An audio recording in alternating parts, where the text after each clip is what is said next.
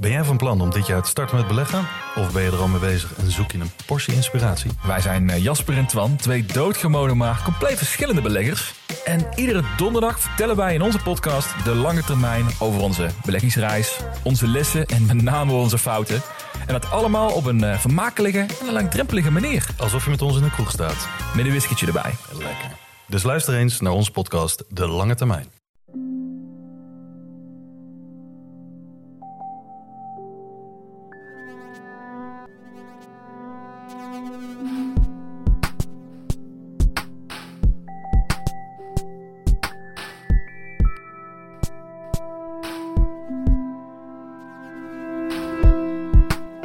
Hey, ik ben Pieter van Relaas. In Relaas hoor je waar gebeurde verhalen en die worden verteld door de mensen die ze zelf hebben meegemaakt. Het verhaal van Katrien dat gaat over taartjes en sprookjes. Dat is een beetje een spoiler, ik weet het, want daarmee begint ook zo meteen het verhaal van Katrien. Maar ik vond het te mooi om het niet te herhalen. Het vertelt eigenlijk alles over Katrien. Haar leven zit vol raadsels en vreemde dingen. Er is ruimte voor een beetje bijgeloof, maar tegelijkertijd is het verhaal om van te smullen.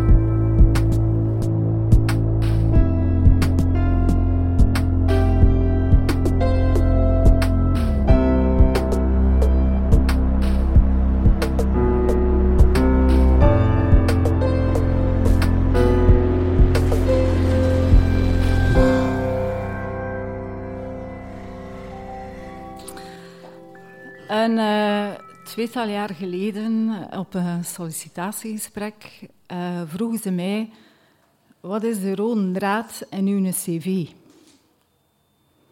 De rode draad in mijn CV. Wat voor een vraag was dat nu eigenlijk? En ik begreep dat wel, die vraag, want mijn cv is nogal zeer uiteenlopend. Also een beetje gelijk mijn leven. En ongeremd antwoordde ik taartjes en sprookjes. Ik zie al zo die wenkbrauwen omhoog gaan, vrij verbaasde blikken. Also van, wat kraamt die hier nu eigenlijk uit? Ja, wat voor een antwoord was dat nu eigenlijk? En ik probeer mij te corrigeren met te zeggen, ah wel, Braziliëne taartjes. En door een roosje en Peter Pan. Ja, nog meer verbazing. En ik probeerde mij eigenlijk voortdurend logischer uit te drukken. En hoe meer dat ik dat probeerde, hoe verwarrender dat, dat werd. Ja, kijk, ik weet van mezelf bij onverwachte en onvoorspelbare vragen dat ik nog vrij eigenaardig en raadselachtig uit de hoek kan komen. Wat ik bedoel eigenlijk in zoete liefde loslaten. Dat is mijn draad. Versta je het? Nee, nee verstaat niet. Nee, ik ga het uitleggen. Um, ik ken een buurvrouw die zeer bijgelovig is. En uh, af en toe waarschuwt ze mij, zoals afgelopen zomer. Katrien, je moet opletten. Hè? Als er een dode vogel aan je deur ligt, dat is een voorteken. Dan staat er u iets te overkomen. Ja, ze zegt ze zo van die dingen. En uh, dan moet er natuurlijk wel om het doen. Zo een paar weken later, ik doe mijn achterdeur open. Wat ligt er daar? Nou ja, een dode vogel. Was een grote, dikke zwarte, met zijn poten omhoog. Eén oog starend naar de lucht. En ik ga dat beest al zo van dichterbij gaan bekijken. ik zie ik daar niks aan. Ik pees ik, allee, die vogel kan het toch zomaar niet uit de lucht vallen zijn. Ik observeer dan een beetje dichter en ik zie dat er een stukje uit zijn hartstreek is gebeten. Ja, en ik, ik pees direct aan mijn buurvrouw, aan dat bijgeloof, dat er mij iets zou overkomen, iets slechts, iets kwaadaardigs. De boodschapper van alle onheil. Maar ik probeer dat eigenlijk weg te wuiven en dat uit mijn gedachten zetten, want ik was eigenlijk vrij weggezend opgestaan. En uh, het was vrij schoon weer, het was warm, also, also, ja, van dat weer voor lichte en luchtige kleren aan te doen. En uh, doe ik mijn blouse aan Mijn lichte, luchte, lange rok met bloemetjes. Mijn lievelingsrok, vrij vrouwelijk. En mijn sneakers. Ik spring op mijn fiets. Uh, ik ga naar de buurtwinkel. Ik ga naar de bakker, dat is uh, 100 meter van mijn deur. Achter een doos verse eieren en een Brazilianen taartje. Ik vertrek van de bakker met mijn fiets. Ik draai me nog een keer om. Ik zwaai naar de bakker in, want ik was vrij wegzind. En uh, ben ik goed en wel op dat fietspad dat ik zo een apering voel aan mijn fiets. Zo'n weerstand. En trap door. En hoe harder dat ik doorduw, hoe meer dat ik voel dat in een rok rond mijn been begint te spannen. Ik geef al zo nog een, goede duw. En heel die rok snoert mijn been vast. Ja, die rok en mijn achterwiel. Nog een half uur achter die vogel. Dus in de fiets komt abrupt tot stilstand. Ik met mijn voeten op die trappers. Die rok helemaal toegesnoerd in dat achterwiel. Ik kon ik mijn voeten niet meer op de grond zetten, kon ik het niet meer bougeren. En hoe lang kun je op een stilstaande fiets zitten zonder je voeten op de grond te zetten? Ja, niet lang, hè? Dus binnen de vijf seconden klaai ik linksom met mijn kop op de straat. Klaar ik daar. Ja, met een fiets op mij, half op dat fietspad, half op dat wegdek. Ik voel ik aan mijn hoofd, aan mijn arm, aan mijn schouders, aan mijn been, ja, op letsels en breuken, maar dat viel het allemaal gelukkig mee. Alleen een elleboog, schaafde elleboog, die, die redelijk aan het bloeden was. Het was vrij stil op straat. Het was niemand te zien. De zondagmiddag. En probeerde ik vanuit een velo te komen, maar dat, dat lukte aan geen kant. En uh, lig ik daar, he, op mijn rug, in de zon, te kijken naar de wol. Hele vastgesnoerd, een dwangbuizen rond mijn been en die, die rok en die tandwielen van die velo. En ineens moest ik pezen aan Doornroosje en Peter Pan. Als er hier nu niemand komt aan, dan lig ik hier ook voor 100 jaar. En als ik kon vliegen, was ik het niet gevallen. Door een roosje, de schone slaapster. Als jong meisje, ik was ik zot van een sprookje. Ik vond dat, dat was echt mijn lievelingssprookje. En dan die drie dikke, mollige vrouwen die aan het rondfladderen waren met hun toverstokjes. Also, vrij zenuwachtig, vrij grappig, maar ook zeer liefdevol. En dan die, die honderd jaar durende slaap. Als jong meisje vroeg ik mij af van, allee, honderd jaar slaap. Wat gebeurt er dan? droom je dan? Of, of zie je dan dood? Maar ja, als je dood bent, lig je op een kerkhof. Maar door een roosje op geen kerkhof. Als jong meisje woonde ik ook niet ver van het kerkhof. Ik passeerde daar veel. Ik vond dat een vrij schone plaats. Ik was er wel bang van. ik vond dat ook wel spannend, maar ik vond dat vrij speciaal. En de jaarlijkse traditie was met 1 november, ik met mijn grootouders naar het kerkhof. En hadden stoet van mensen. En we stonden wij daar aan het graf ja, van een van mijn overgrootouders of van mijn voorouders. En ik dacht, kijk, moment, zijn die mensen hier ook allemaal te slapen? Maar ik was eigenlijk niet zozeer aan het kijken naar dat graf. Ik was meer aan het kijken naar al die mensen die ook aan het graf stonden. Tussen al die bloemen die zo vrij beteuterd aan het kijken waren. En ik probeerde als meisje dat na te doen. Vrij beteuterend kijken. En huilen. Ik probeerde eigenlijk ook te huilen, want ik vond dat dat wel paste. huilen op een kerkhof. Want dat kerkhof had eigenlijk een vrij speciale betekenis. Toen ik een jaar of veertien was, hadden drie vriendinnen en ik zo het stoer idee van uh, sigaretten te roken. Ja, ik kom uit een familie van allemaal rokers. Kent dat wel? Als je op familieuitstap gaat in een auto, zat ik daar, chauffeur aan het roken, een passagier aan het roken. En ook zat, zijn er nog twee naast mij ook te roken. Also ene wolk rook, dat je elkaar bijna niet meer zag zijn. Ja, ah, wel. Ik dacht, eh, ik ga dat ook een keer proberen, een sigaret roken. Ja, gaan we dat een keer doen, een sigaret roken? Ja, we gaan dat doen. Ja, joh. ja. Achter die sigaret? Nee, ik ga daar niet achter. Hè. Wij ook er kijk achter gaan.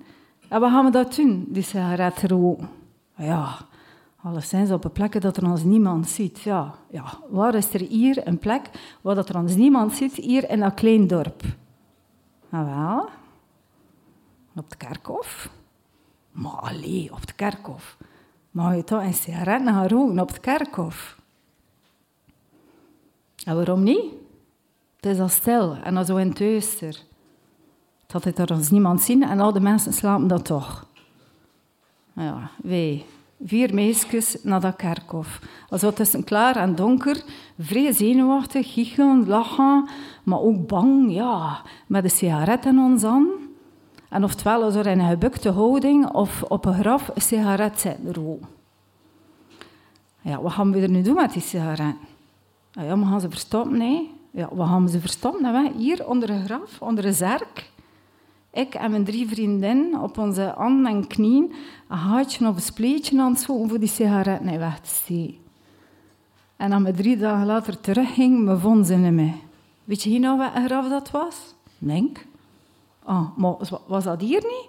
Oh, ja, ja, weer met vieren op onze handen en knieën gaan zoeken achter die sigaret. Ja, en oftewel vonden we ze niet terug, oftewel waren ze helemaal doorweekt van de regen. En toen ik veertien was, had ik ook um, een eerste lief.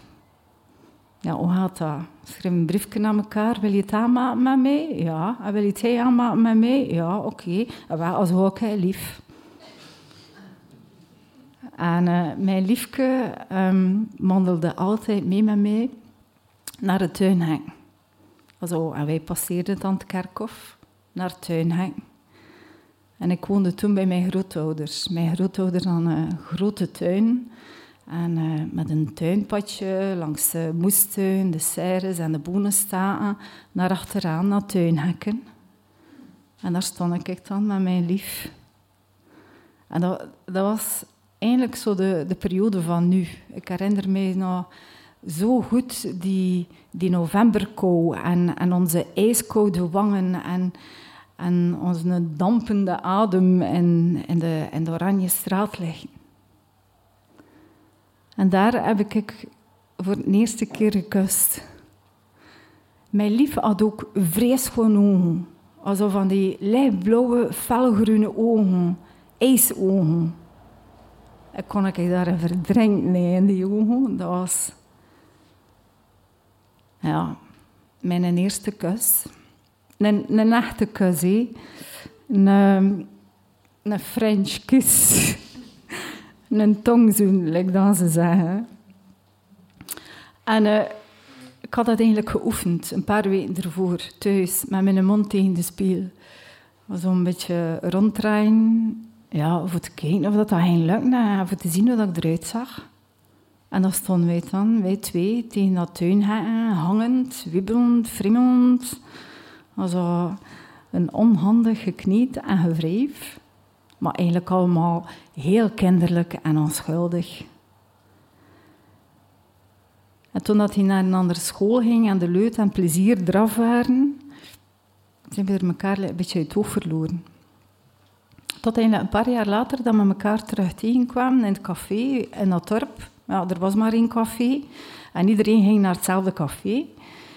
En uh, we lopen elkaar daar terug tegen het leven en uh, we praten wat, we drinken het wat samen. En uh, het was buiten het dorpsfeest en we gaan terug naar buiten, naar het dorpsfeest. En plots stonden we er in de pelouse van de kerk.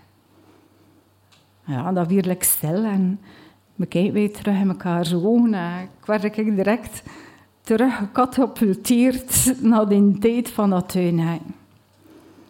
En we pakken elkaar vast. En we zoenen elkaar. Maar ja, ook niks meer. Ja, we zo'n beter terug naar het café gaan, zeker. Ja, we gaan terug naar het café. Maar wie... Of had ik ooit kunnen denken dat ik hem eigenlijk nooit meer ging terugzien. Een jaar of twee later lag hij op datzelfde kerkhof. Hij was gevallen met zijn fiets. En ik, meisje van de sprookjes, stond daar op dat kerkhof. Door een roosje viel daar eigenlijk een duizend stukken uiteen. Ik wist ik wel dat hij hem ja, binnen honderd jaar niet meer ging wakker worden. Dat was uh, mijn jeugdliefde. Maar mijn eerste echte grote liefde, dat was een jongetje. Mijn ventje. Een vreeschoon ventje. Hij had ook zo van die vrees schone grote ogen vrij sprekende ogen en centimeterlange wimpers. Als hij sliep, dan kon ik minutenlang op zijn bed zitten, kijken naar die wimpers die over zijn gezicht vielen. En als die wimpers nat waren, dan plakte die tegen elkaar, met druppeltjes erop. Een klein ventje, een deugniet. Een avonturier, een dromer, een babbelaar. Lopen en vliegen. En het liefste dat hij had, waren chicletten. Een Pokémon. Een, een, Harry Potter. Een Buzz Lightyear. Mijn Peter Pan. is gevallen. Een langzame val geen snelle val.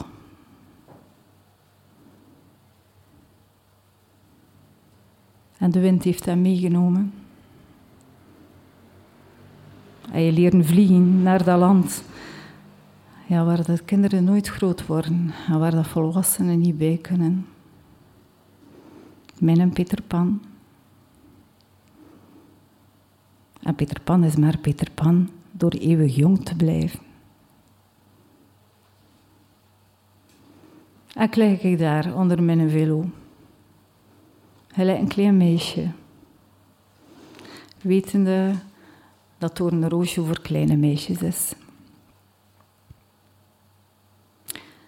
ik draai mijn hoofd zo op dat warme asfalt naar links. ik zie dat plots uit een auto een gepensioneerd koppel springen en naar mij toe komen gelopen. Ik dacht eerst dat mijn grootouders waren.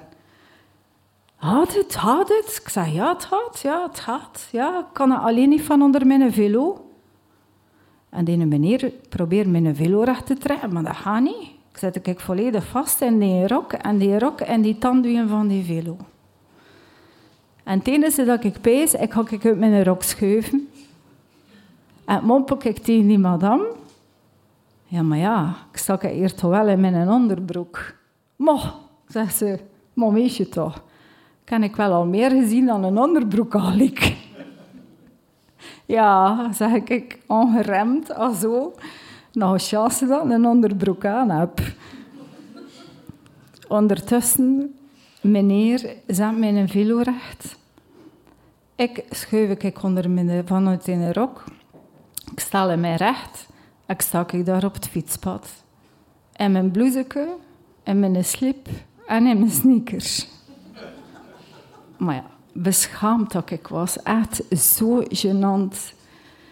Die meneer begint dan de rok te trekken. Dat lukt niet. Dus ik begin hem mee te trekken in mijn onderbroek. Die rok schiet los. en ik hou die rok in de lucht vol gaten en scheuren. Ja, zegt die madame, dat is ook voor de vulbakwei. Ik zei ja, ja, ja.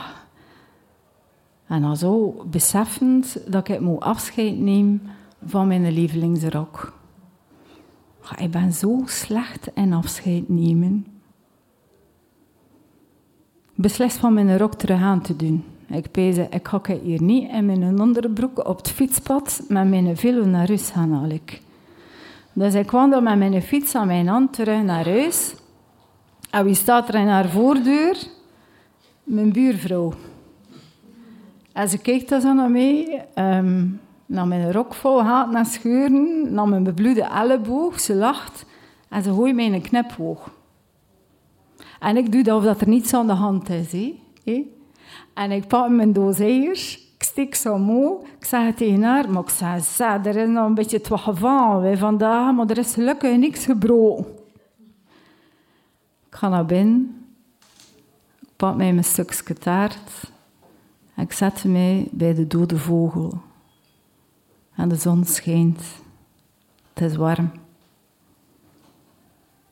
Ik voel het zout van mijn wang op mijn mond. Taartjes geven troost. En sprookjes ook. En door een roosje is er misschien niet meer, maar Peter Pan is er. En blijft er. Voor altijd.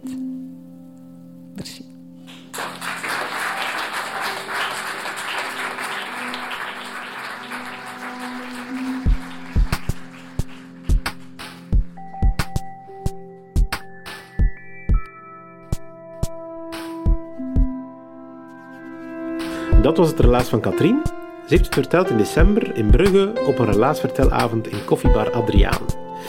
Als je zelf zo eens een avond in Brugge wil meemaken, kan ook in Gent of in Antwerpen, hou dan onze Facebook en onze website in de gaten, want als er nieuwe vertelavonden aangekondigd worden, dan verschijnen die eerst daar. En uh, er wordt ook meteen aangegeven wanneer je tickets kan kopen. En je moet er heel snel voor zijn, want binnen de paar minuten zijn alle plaatsen de deur uit. Dat heeft te maken deels met corona, maar ook wel met het feit dat er weinig plaatsjes zijn voor heel veel mensen die willen komen luisteren.